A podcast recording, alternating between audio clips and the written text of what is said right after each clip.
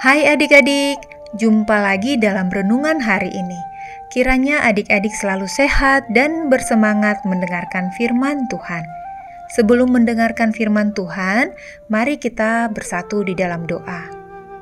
Bapa dalam kerajaan sorga, Bapa yang sangat mengasihi kami, kami datang kepadamu mengucap syukur atas hari ini. Kiranya Tuhan memberkati kami dalam seluruh aktivitas kami. Tuhan, kami mau mendengarkan firman Tuhan, pimpin kami agar dapat mengerti firman-Mu dan dapat melakukannya seturut kehendak-Mu. Di dalam nama Tuhan Yesus kami berdoa. Amin. Adik-adik, judul renungan kita adalah Rancangan Tuhan Rancangan yang Baik, yang terambil dari Yeremia 29 ayat 10 sampai 14. Adik-adik, sudah buka bukan Alkitabnya?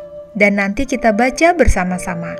Yeremia 29 ayat 10 sampai 14. Sebab beginilah firman Tuhan.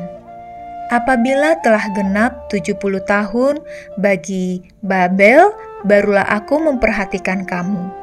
Aku akan menepati janjiku itu kepadamu dengan mengembalikan kamu ke tempat ini Sebab aku ini mengetahui rancangan-rancangan apa yang ada padaku mengenai kamu.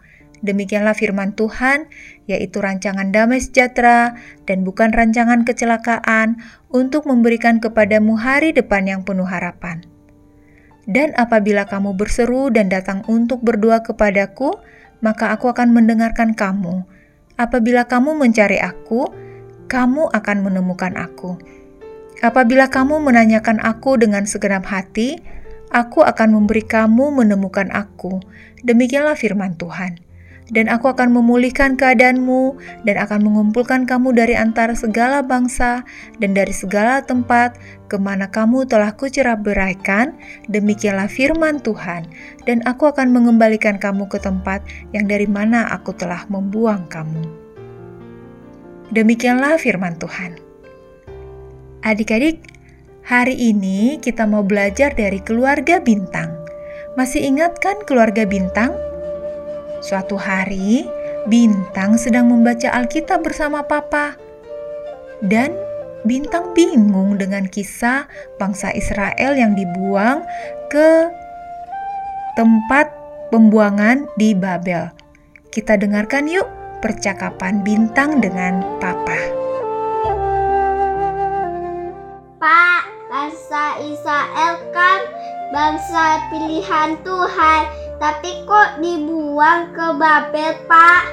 Lama lagi sampai 70 tahun. Berarti Tuhan tidak sayang pada bangsa Israel. Tuhan selalu sayang kepada bangsa Israel.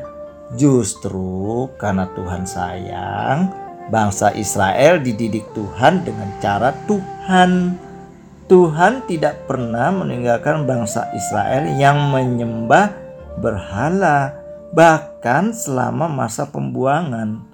Tuhan terus mengasihi bangsa Israel. Cara Tuhan memulihkan bangsa Israel yang semakin jauh dari Tuhan ya seperti itu. Kalau bintang bersalah, apakah Papa membiarkan bintang dan tidak menasihati bintang? Tidak, Pak. Papa menasihati bintang kadang-kadang bintang keterlaluan pada mentari dan kak bulan. Mama mengingatkan bintang kalau tidak mau mendengarkan mama, mama menasihati bintang kadang memberikan hukuman buat bintang pak. Itu namanya mendisiplinkan bintang supaya bintang kembali sadar dan mau patuh kepada orang tua, sayang sama kakak dan adik. Begitu juga bangsa Israel didisiplinkan Tuhan dan dibentuk Tuhan agar menjadi umat Tuhan yang lebih baik. Agar bangsa Israel meninggalkan perbuatan dosa mereka dan kembali kepada Tuhan. Kehidupan bangsa Israel Tuhan pulihkan menjadi lebih baik lagi.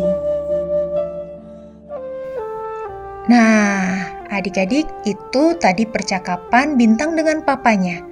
Bagaimana dengan adik-adik? Apakah pernah ditegur orang tua atau guru? Kenapa ditegur? Pasti karena adik-adik melakukan perbuatan yang tidak benar. Orang tua, guru menegur agar adik-adik menyadari perbuatan adik-adik serta kembali patuh, kembali memperbaiki perbuatannya agar menjadi perbuatan yang menyenangkan hati Tuhan. Ingat adik-adik, nasihat atau teguran adalah bentuk kasih Tuhan kepada kita. Tuhan bisa memakai orang tua kita atau guru untuk kebaikan kita. Yuk kita katakan, nasihat atau teguran baik untukku. Sekali lagi ya, nasihat atau teguran baik untukku. Mari kita berdoa. Bapa di surga, ajarlah kami untuk mengerti didikan atau teguran Tuhan kami percaya Tuhan sangat mengasihi kami dan mau membentuk kami menjadi anak Tuhan yang lebih baik lagi. Mampukan kami agar menjadi anak yang menyenangkan hati Tuhan, orang tua, guru dengan melakukan hal yang benar. Terima kasih Tuhan, di dalam nama Tuhan Yesus kami berdoa. Amin. Demikian firman Tuhan hari ini. Tuhan Yesus memberkati.